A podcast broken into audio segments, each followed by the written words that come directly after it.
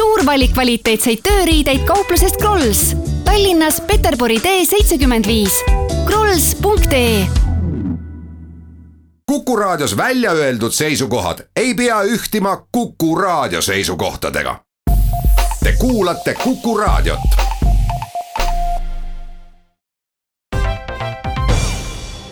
tere päevast, on kahekümne seitsmes juuni, kell on saanud seitse ja pool minutit, üksteist läbi, oleme taas eetris Buumi saatega, saatejuhid nagu ikka, Anto Liivat ja Ott Pärna.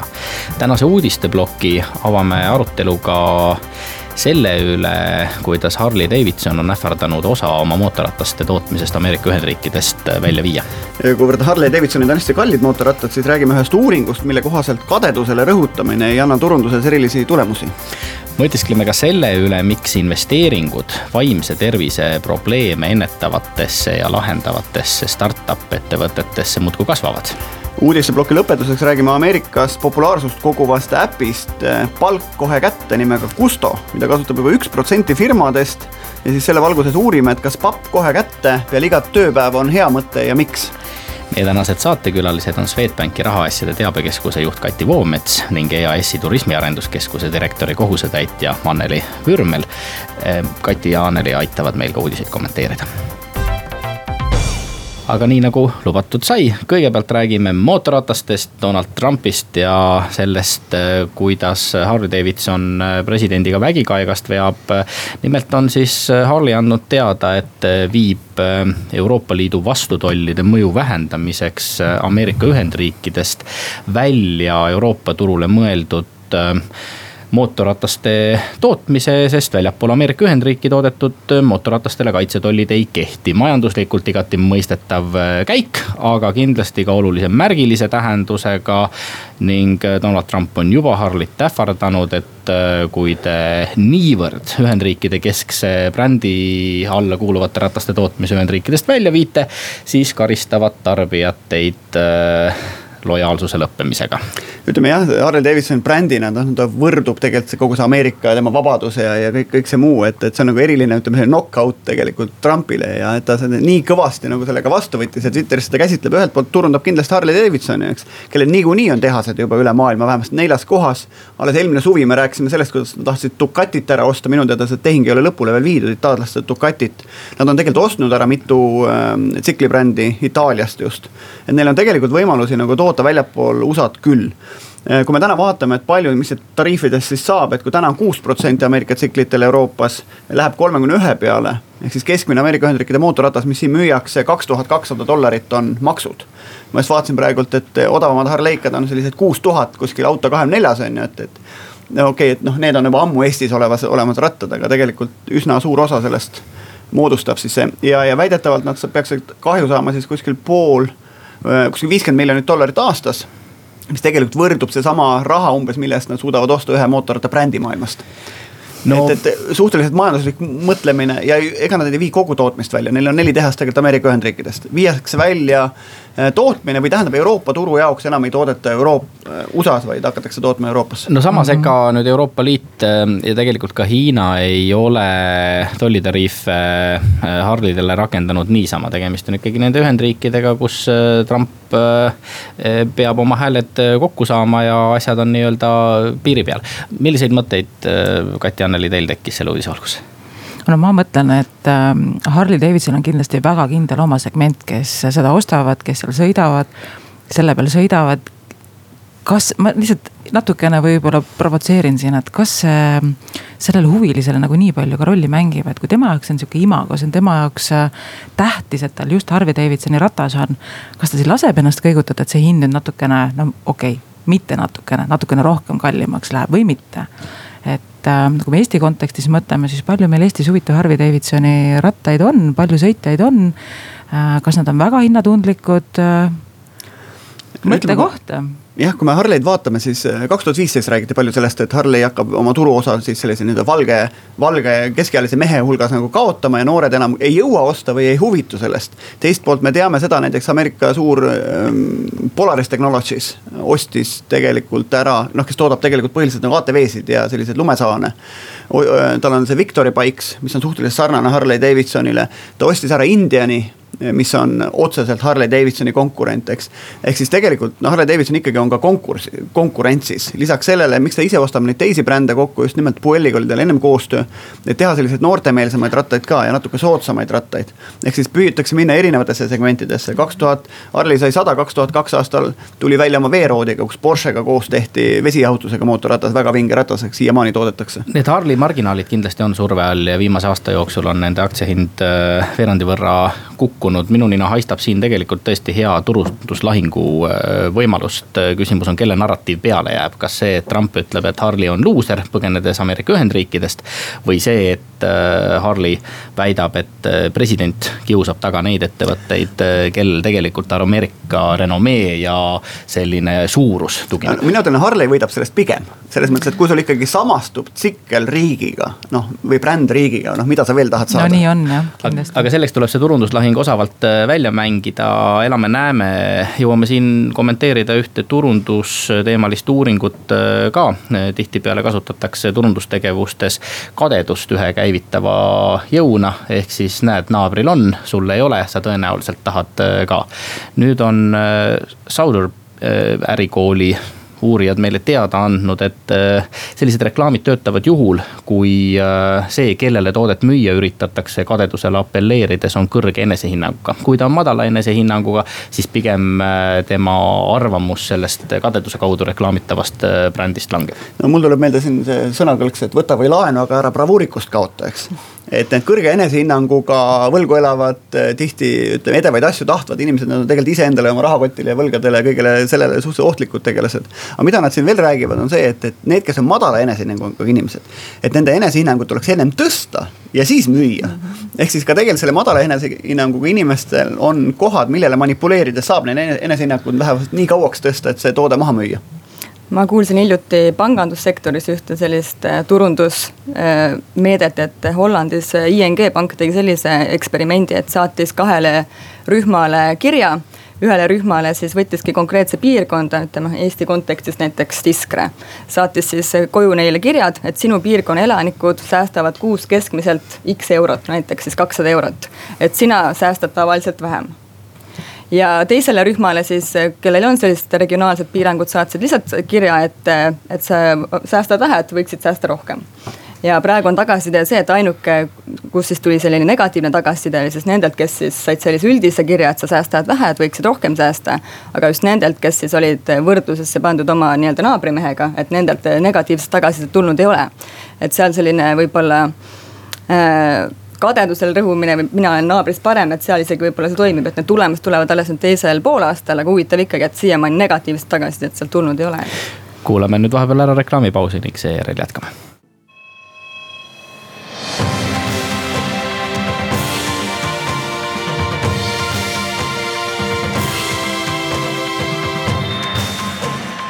Buum.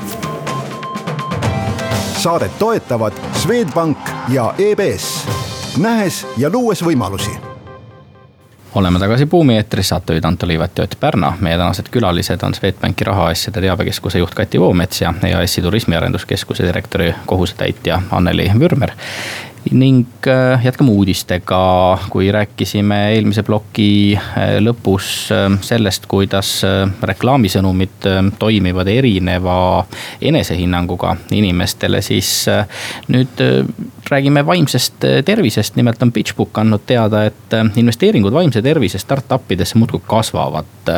ja viimase aasta jooksul on nendesse paigutatud pool miljardit dollarit Ähm, riskikapitalistide äh, raha. ja need lahendused ennekõike püüavad siis äh, kas ennetada või, või tegeleda miskisuguste vaimse tervise väljakutsetega, mida kipub maailmas äh, ja paraku ka Eestis olema iga aastaga üha rohkem jah, et noh, seda, seda asja võib hästi nagu kitsalt vaadata, et seal konkreetselt selline ettevõtte nimega Calm või rahu, on ju, mis teile pakub nagu põhimõtteliselt ettemaksuga kuuskümmend dollarit aastas siis sellist keskkonda, kus sa saad siis mediteerida ja muud moodi oma vaimset tasakaalu taga otsida. mulle meenutab see väga nagu terviseklubide nagu ärimudelit mm., et maksa aastapilet ette ära ja vaatame, kui palju sa tegelikult seal klubis käid, on ju. aga selge on see, et kui on rahavoog olemas, siis on ka valuation'id üleval sellistel ettevõtetel. aga kui me vaatame nüüd laiemalt pilti, on ju, et Eestis on näiteks kümme kuni kakskümmend protsenti kõikidest alaealistest mingi psüühikahäirega, mis teeb kakskümmend kuni nelikümmend tuhat last ja number progresseerub, kusjuures kui väikelaste puhul on see pigem nagu poiste kaldu, siis mida vanus edasi, seda rohkem läheb ta nagu tüdrukute poole. samas ma vaatasin mingit statistikat selle kohta, kui palju siis äh, meil endal on igasuguseid äh, nagu halbu harjumusi on ju, et, et kaua me veedame aega näiteks sotsiaalmeedias. oma elust me veedame sotsiaalmeedias viis aastat ja neli kuud, on ju. noh, äkki saaks selle aega nagu midagi mõistlikumat pihta hakata. ma vaatasin äh, autoõnnetuste statistikat mis te arvate, head raadiokuulajad, et purjus peaga sõitmine versus nutitelefonis teksti kirjutamine, et kumb on nagu suurema tõenäosusega toob avarii kaasa mm -hmm.? kuus ühele, et tõenäosus kuus ühele kuus korda suurem on see, et kui te midagi tekstite ja iga teine inimene midagi tekstib roolis mm, -hmm. kui see, et on keegi purjus, purjus roolis et mitte, et ma õigustaks purjus sõitmist, aga tegelikult kõik need eh, nutitelefonidega toimetavad inimesed on tegelikult nii endale kui teistele hästi-hästi kahjulikud. tegelikult on ju täiesti oma uba olemas eh, selles, et püütakse vaimset tervist turgutada selles keskkonnas, kus inimesed järjest rohkem aega veedavad, ehk selles samas eh, digimaailmas. jah, üha rohkem on räägitud nüüd sellest digitaalsest heaolust, et suured ettevõtted, nii-öelda Facebook, Apple on välja tulnud päris mitmete lahendustega, mis siis aitavadki siis nende enda kasutajaid siis äh, suunata sinnapoole, et äh, see aeg, mis seal keskkonnas veedetakse, oleks võimalikult kvaliteetne ja nii-öelda pakuks äh, inimestele rahulolu, et ei, ei veedetaks liiga palju seal aega, mis siis toovad kaasa omakorda neid psüühikahäireid ja nii edasi ja. no minu arust see on natuke selline eneseõigustuse teema, see on täpselt sama lugu nagu Saara ütleb, et me teeme tegelikult säästlikku rõivast, on ju, noh natuke mm -hmm. kuskil midagi teevad, on ju, aga suur asi läheb ikka nagu vana rada pidi, et. et lihtsalt see, et, et keegi ei viriseks, me teeme ka siis natukene. mis on huvitav, on see, et, et et ühelt poolt jah, näiteks gaming disorder on ju, see mängude sõltuvus on nüüd ametlikult siis Maailma Terviseorganisatsiooni poolt nimetatud siis hälbeks. aga just seesama, see Facebookis veedetud on ju seitse tundi päevas, eks ole, kas see siis ei ole või? No mina ikkagi ootan seda aega, kus tuleb palju rohkem neid avalikke kohti, kus ongi võrk kinni keeratud.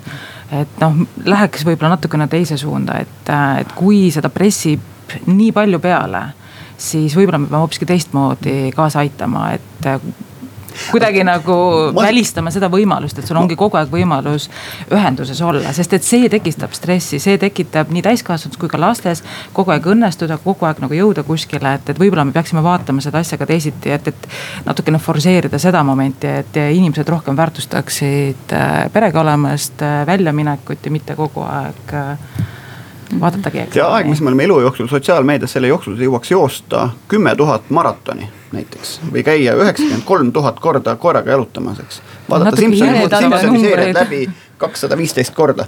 et, et ehk siis äkki me saame selle aja mujale panna, aga mis on huvitav, kui neid uuringuid kõiki lugeda, kõik nad ütlevad, kui palju kasutatakse ja see on paha.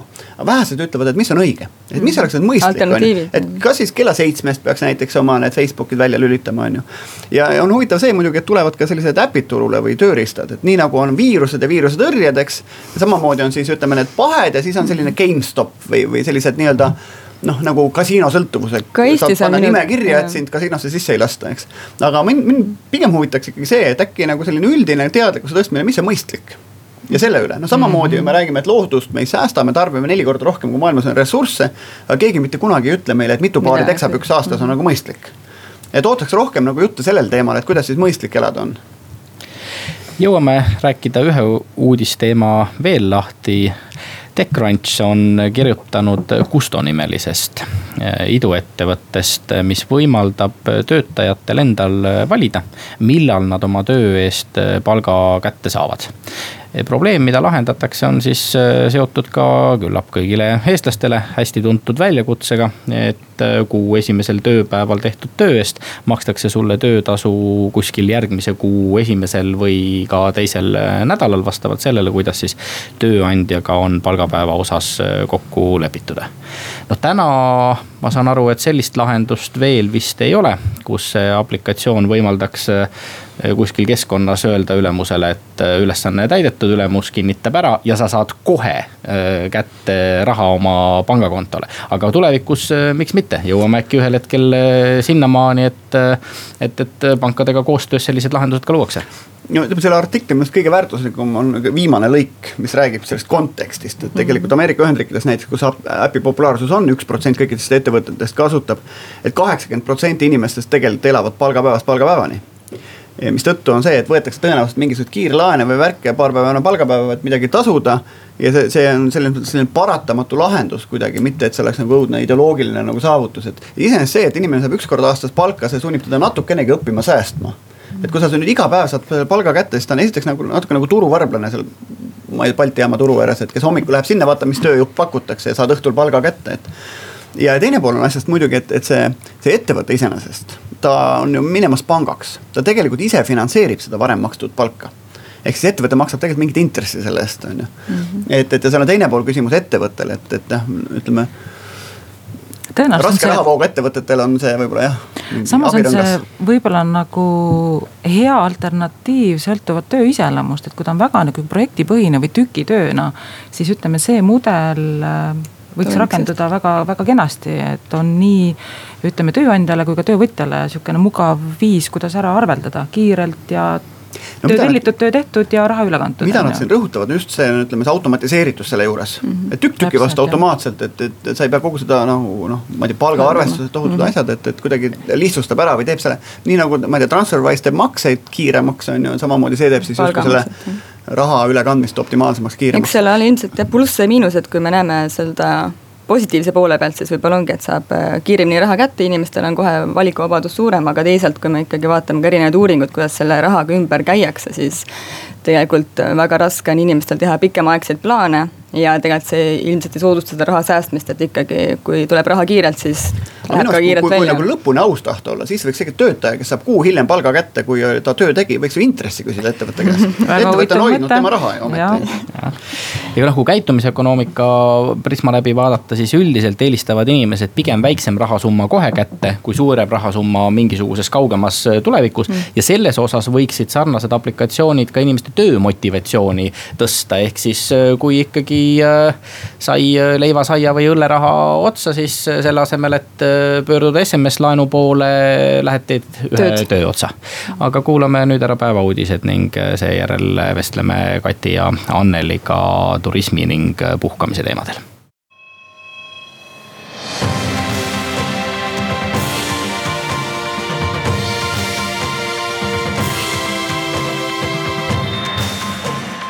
Buum saadet toetavad Swedbank ja EBS, nähes ja luues võimalusi oleme tagasi Buumi eetris, saatejuht Anto Liivet ja Ott Pärna. meie tänased külalised on Swedbanki rahaasjade teabekeskuse juht Kati Voomets ja EAS-i turismiarenduskeskuse direktori kohusetäitja Anneli Vürmer. räägime nüüd sellest, kuhu eestlased puhkama plaanivad minna. esimene juulikuu päev ei ole enam kaugel ja juuli üks eestlaste meelispuhkuse kuid kahtlemata eh, on. ning arutleme ka selle üle, kust Eestisse eh, tullakse ja räägime turismitrendidest maa, maailmas laiemalt, aga Kati, te viisite Swedbankiga läbi Eesti elanike puhkuse uuringu, miks ja mida põnevat teada saite? Äh, eelkõige me soovisime näha, et kuidas siis eestimaalased oma puhkusi planeerivad, et on nagu teada, iga aasta on puhkused tulemas, on iga aasta jõulud tulemas. aga mida me näeme, on see, et äh, siiski inimesed väga palju selle jaoks ei säästa. aga alustasime sellest, et üldsegi aru saada, et mis siis äh, eestimaalaste jaoks puhkus on ja kõige populaarsem vastus oli siis see, et eelistatakse mõne välisriigi külastust. Siis järgnes maal puhkuse veetmine või siis eh, kuskil mere äärde sõitmine või veekogu äärde sõitmine.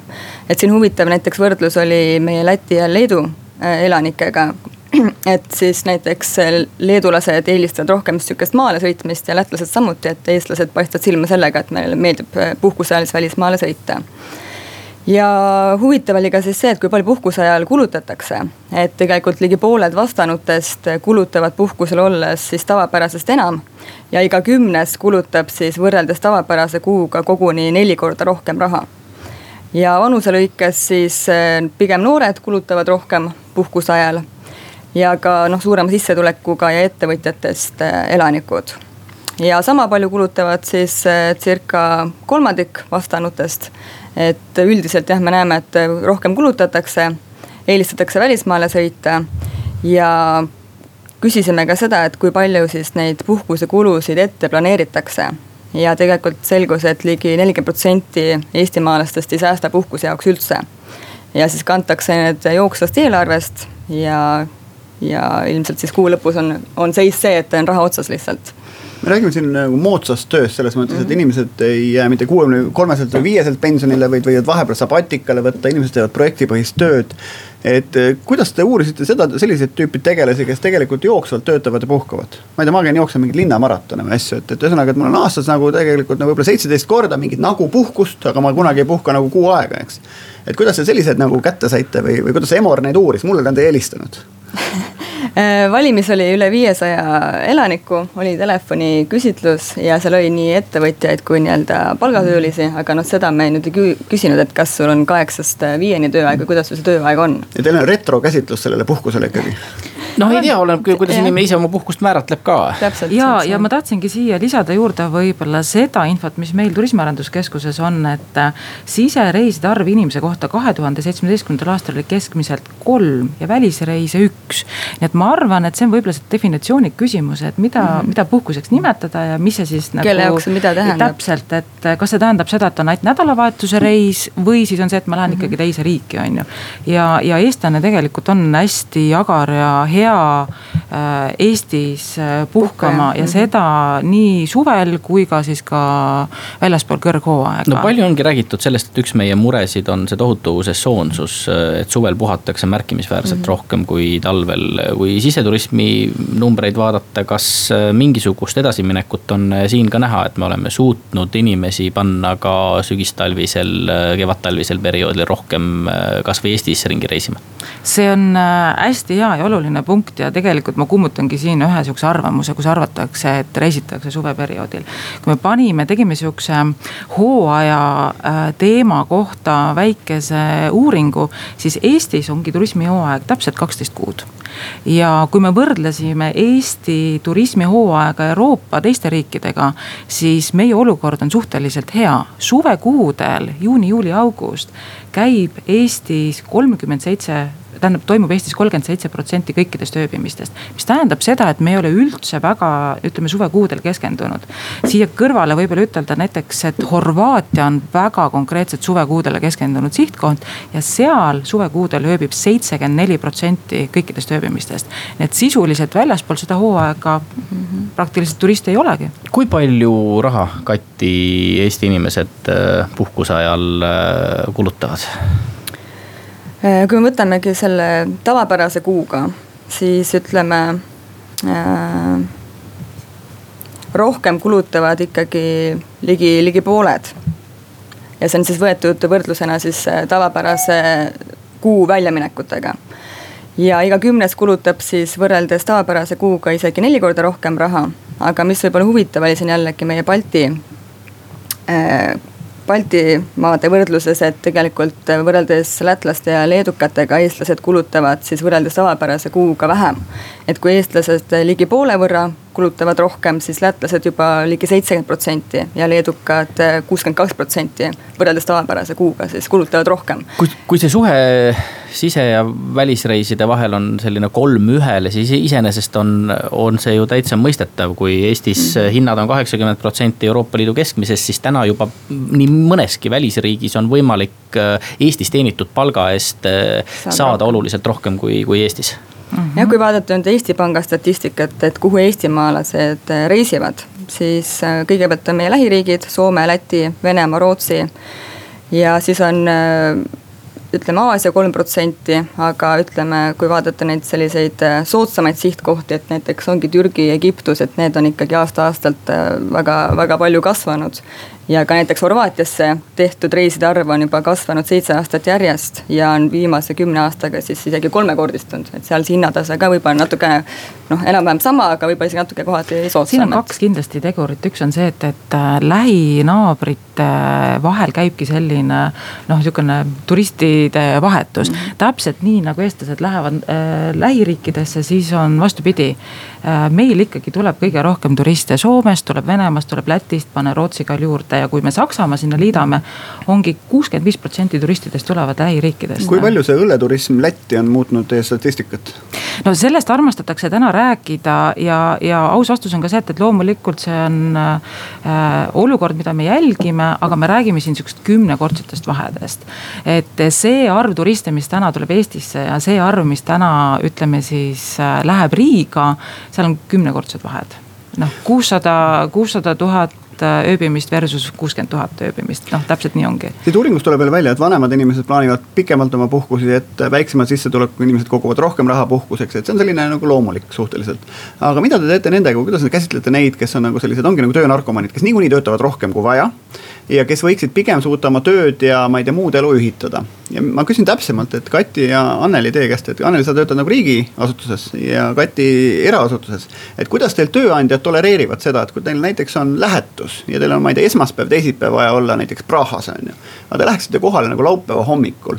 et kas tööandja tolereerib seda kahte päeva, mis te siis nagu vaatate Praha linna või ütleb, teate, et ikkagi minge nagu lähetuskorraldust alustada, ma ei tea, sama hommik või eelmine öö on ju, et mis ma olen kunagi majandusministeeriumis töötanud, meil oli pidev probleem probleem see, et kui üks päev õnnestus kuidagipidi linna vaadata, oli see nagu häda ja viletsus no ma siis äh, alustan sellega, et tõsi on see, et, et, äh, et lähetusse minek on väga konkreetselt seotud mingisuguse eesmärgi, mingisuguse tegevusega. ja, ja ta on ikkagi seotud konkreetselt selle vahemikuga. kui me räägime aga kaugturgudest, siis on selge see, et, et kui sa oled lennukis üheksa-kümme tundi, siis kohe seal samal hommikul minna viisakalt kohtumisele, see ei ole reaalne. et sul on kindlasti vaja sinna sihukest aklimatiseerumise päeva, et, et et aga no see on nagu okei okay.. no Frankfurti noh, et okei okay,, et ma lähen nagu laupäeva õhtul kohale, mitte pühapäeva õhtul kohale, ma kulutan tegelikult oma vaba päeva seal, lihtsalt lennukipilet on üks päev varem. aga tead, mis Frankfurti on nii hea lennuühendus minu meelest, et sinna sa saadki hommikul ja õhtul tagasi. ma tahan olla päev varem seal ma tean, vaata tööandja, siis ta pigistabki seda töötajat viimase vindi peale, andes talle natuke, tööandja kulu ei suurene sellest muuseas, kui see lennukipilet on päev varem või hiljem. küll töötaja rahulolu tööga ja võib-olla ta on teil EAS-is kauem tööl, kui ta saab ühe päeva olla seal Frankfurdis. tead, seal on pigem nagu see, et, et see paindlikkus, äh, noh, arvestame ikkagi sisse, et kui sa pead hommikul vara kell kuus lennuki peale jõudma. ja, ja, ja see ongi see, et äh, siis tuleb järgmisel päeval lihtsalt reguleerida, et ei saa niimoodi eeldada, et kohe hommikul kell kaheksa või pool üheksa oled sa töölaua taga, et ei. pigem me võimaldame seda paindlikkust, et sa rahulikult puhkad välja, tuled tööle ja teed oma töö siis ära, et selle, sellega peab arvestama kuulame vahepeal, kuulame vahepeal ära reklaamipausi ning seejärel jätkame.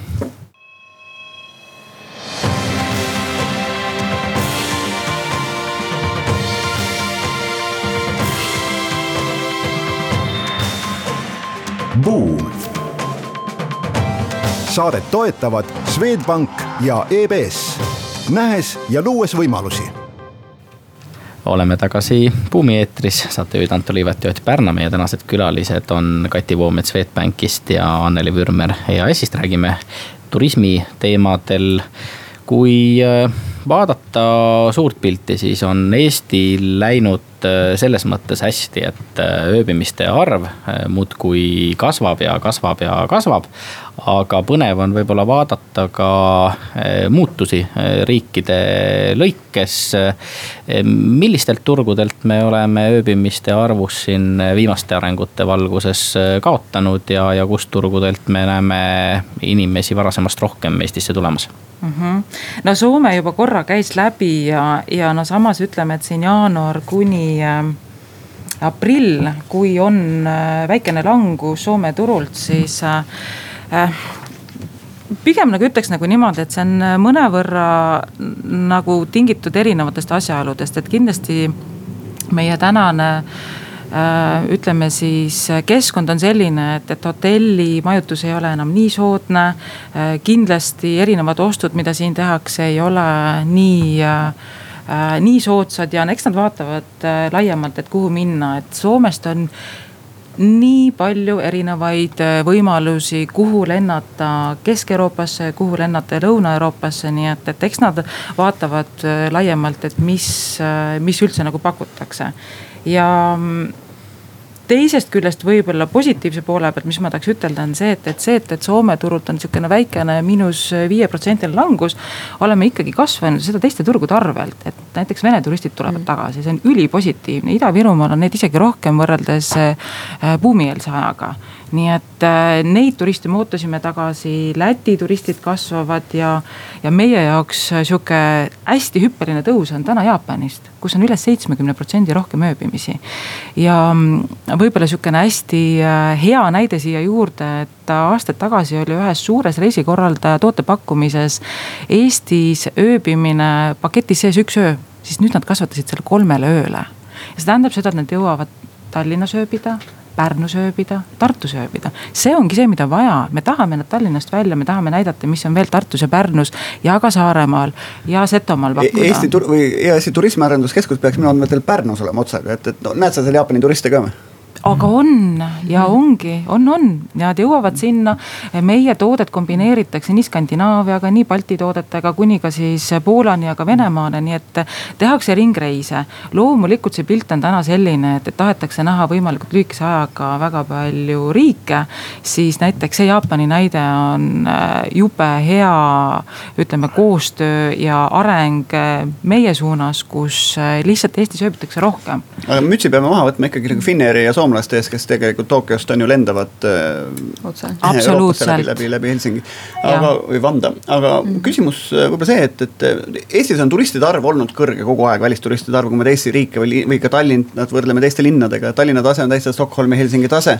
nüüd tõsi on see, et meil on ärituriste neli korda vähem kui nendes linnades. et mis see värk nende ärituristidega täna on, et kas Tallinnasse lõpuks tekib mingi konverents ja messikeskus, et siin saaks mõnda mõistlikku sündmust teha, et äkki mõni äriturist tuleks ja mõni mõni kallim kunde siia riiki jõuaks või on..., või on ikkagi see selline sa... ootame järgmisi valimisi ja lubadusi? ei, sa panid siia ühte lausesse või väitesse kõik olulised asjad kokku, mida tegelikult tahakski üle rõhutada. tõsi on see, meil tõesti on vaja neid kliente, kes täna on valmis siia rohkem äh, raha jätma. Äh, teame ka seda, et need kliendid tulevad täna lennutranspordi pidi ja info on selline, et ainult neliteist protsenti tuleb täna lennukiga, ainult neliteist ja nemad jätavad inimese kohta reisil nelisada eurot sealt laevaga tuleb juba sada eurot vähem ja need, kes tulevad bussi või autoga veel sada eurot nagu vähem, et kakssada eurot inimese kohta reisi kohta. ühesõnaga, meil on tõesti vaja lennuliine juurde, kes, äh, kes. ei, ma, ma vaidlen vastu, see on see muna ja kana teema, et kas lennuliin ennem või argument, miks siia tulla et kui on põhjust siia tulla, siis hakkavad inimesed tahtma tulla, siis hakkavad lennukid lendama. tühjad lennukid ei lenda, me oleme näinud mm. Estonian Airiga, et see viib pankrotti lõpuks on ju ma olen nagu nõus sellega, et, et kindlasti peab olema põhjust, et miks siia tulla. ja ma arvan, meie turismiarenduskeskuse järgmiste aastate hästi suur teema on see, et mismoodi meil tekiksid siuksed uued äh, tooted, mis kõnetaksid ja mille pärast tahetakse siia otsa, tulla. tuleb siis konverents ja messikeskus või mingi selline? Äh, mina usun, et tuleb. sest et sündmuse korraldajaid on Eestis palju, kes tahaks ägedaid rahvusvahelisi sündmusi teha. teadlasi, ettevõtteid, igasuguseid vabakonna organisatsioone minu pärast Teeme Ära või Maailma koristuseks. meil lihtsalt ei ole üle neljasaja, viiesaja inimese konverentsi mitte kuskil teha. ja senikaua, kui meil seda facility't ei ole, noh, me ei tee teda tennisekeskuses. see on, nagu, see on õige märkus ja see, ja... see teema on olnud üleval nii ikka ja jälle, et sa lihtsalt oled asjal lähemal, et kas nagu on lootust, et midagi, ma ei tea, linnahallist tekib või kuhugile mujale on, on lootust, et tegelikult riik sellega tegeleb, Tallinna linn sellega tegeleb, linnahall on, on teemaks ja sellega tegeletakse edasi, nii et. viimane viisteist aastat, et kas tähtaeg ka kuskilt tuleb? on, on räägitud sellest tähtajast ka, et mina usun, et aasta lõpus on asi juba palju selgem, nii et et äh, meil on suured panused sellele, et linnahall tõesti konverentsikeskusena tekib. ja võib-olla ma märgin ühe hästi olulise siia mm, teema ära ka, et äh, kuna äriturismis käib äh, see äri ähm, regioonide põhiselt konverentside maailmas. et kui nad on kord juba siia regiooni tulnud oma konverentsi pidama, siis ega nad lähema sihukese viie-kümne aasta jooksul tagasi ei tule. et ülioluline on meile see, et, et me tegelikult esimesena selle märgi maha saaksime, ütleksime, et nii Tallinnasse konverentsikeskus tuleb ja me saame kohe müüma hakata. nii et tegelikult nii Eesti Konverentsibüroo kui ka Turismifirmade Liit kui ka ütleme, teised turismi asjaosalised ja Majandus-Kommunikatsiooniministeerium, Tallinn täna sellega tegelevad, midagi ei ole teha, see tõesti tuleb lihtsalt ära teha, kokku leppida, ära teha Euroopas on kuus tuhat sellist konverentsi, mis reisib ringi tegelikult, et ja kui nad regiooni tulevad, tal ei ole vahet, kas ta teeb Helsingis või Tallinnas mm.. ja, ja see on kindlasti see segment, kes ka riiki kõige rohkem äh, raha jätab. äriturist jätab neli korda rohkem kui tavaturist ja pluss ta mm. tuleb, pooled neist tulevad tagasi tava, tavaturistina hiljem. täpselt nii on, siin on nii palju näiteid sellest, kuidas on käidud konverentsil Eestis, keskkond on nii meeldinud, nad tulevad hiljem. kas nad pikendavad üldse oma siinolekut või tulevad pärast perega uuesti puhkama siia mm Kati, kui te puhkuseuuringut ette valmistasite, kui palju te vaatasite selliseid laiemaid äh, trende, kas inimeste puhkuseharjumused kuidagi on muutunud või erinevad äh, näiteks põlvkondade lõikes? tehakse midagi teistmoodi kui, kui varem? ja me näeme, et Eesti elanikud reisivad aasta-aastalt üha rohkem ja kui vanuse lõikes, siis sealt uuringust tegelikult tuli välja, et äh, just noorte jaoks, kuni kahekümne nelja aastaste jaoks on see puhkuse veetmine välismaal kõige olulisem. et äh, seal juba üle poolte vastanutest äh, pidasid siis puhkuseks välismaale sõitmist? mul on jäänud globaalsetest turismitrendidest silma tõsiasi, et pea pooled broneeringutest tehakse juba mobiili abil ja, ja üha rohkem ikkagi jälgitakse kõikvõimalikke online arvustusi, näiteks majutuskohtade broneerimisel, et lausa varsti üheksa inimest äh, kümnest äh, vaatavad ikkagi, mida ühe või teise koha kohta näiteks Tripadvisoris öeldakse. millised trendid veel mõjutavad seda, kuidas inimesed reisivad? See on tõesti niimoodi, et äh, kõige rohkem äh, jah, jälgitakse oma sõpruskonda, kuulatakse, vaadatakse, mis on tehtud, kus on käidud. ma ühe sihukese huvitava trendina tooks veel siia kõrvale Instagrammability. ehk siis see on sihukene mm -hmm. asi, et äh, valitakse sihtkohta selle põhjal, mis Instagramis hea välja näeks mm. -hmm. kui on mingisugune olukord või, või keskkond või maja või, või toit, midagi sihukest ägedat, et see pildi peal nagu hea välja näeb ja siis seda jagatakse. ja oma reisi sihtkohta valitakse väga tugevalt äh, selle pinnalt jah, see me ennem tegime sotsiaalmeedia statistikat, et siis nelikümmend minutit on inimene Youtube'is, kolmkümmend viis minutit Facebookis, kakskümmend viis minutit Snapshotis, viisteist minutit Instagramis ja üks minut Twitteris ehk siis see linn või, või koht mõjutab. peab sobituma nende kanalitega, kus inimene niikuinii mingi postituse teeb. jah, aga samas teine, ütleme, trend on siin ka see, et äh, riigiti või sihtgrupiti on väga erinevad kanalid, kus seda infot otsitakse. et siin Aasia turistidest on juba nagu räägitud, aga ma tooksin ühe kanali just Hiinast esile, see on WeChat ja miks ta nii äh, tähtis ja oluline on see, et tegelikult seal toimub absoluutselt kõike.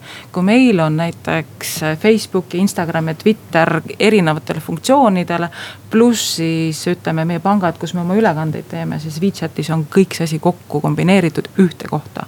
see on lihtsalt nii suur ja see on nii oluline nii et äh, see on see koht, kuhu hiinlased lähevad infot otsima ja meil on oluline seal ennast nähtavaks teha meil on aga aeg tänase buumi otsad kokku sõlmida. aitäh, Kati Voomets ja Anneli Vürmer meile saatekülalisteks äh, tulemast. buumiga oleme eetris juba täpselt nädala pärast, siis uued jututeemad ja uued külalised. Kuulmiseni.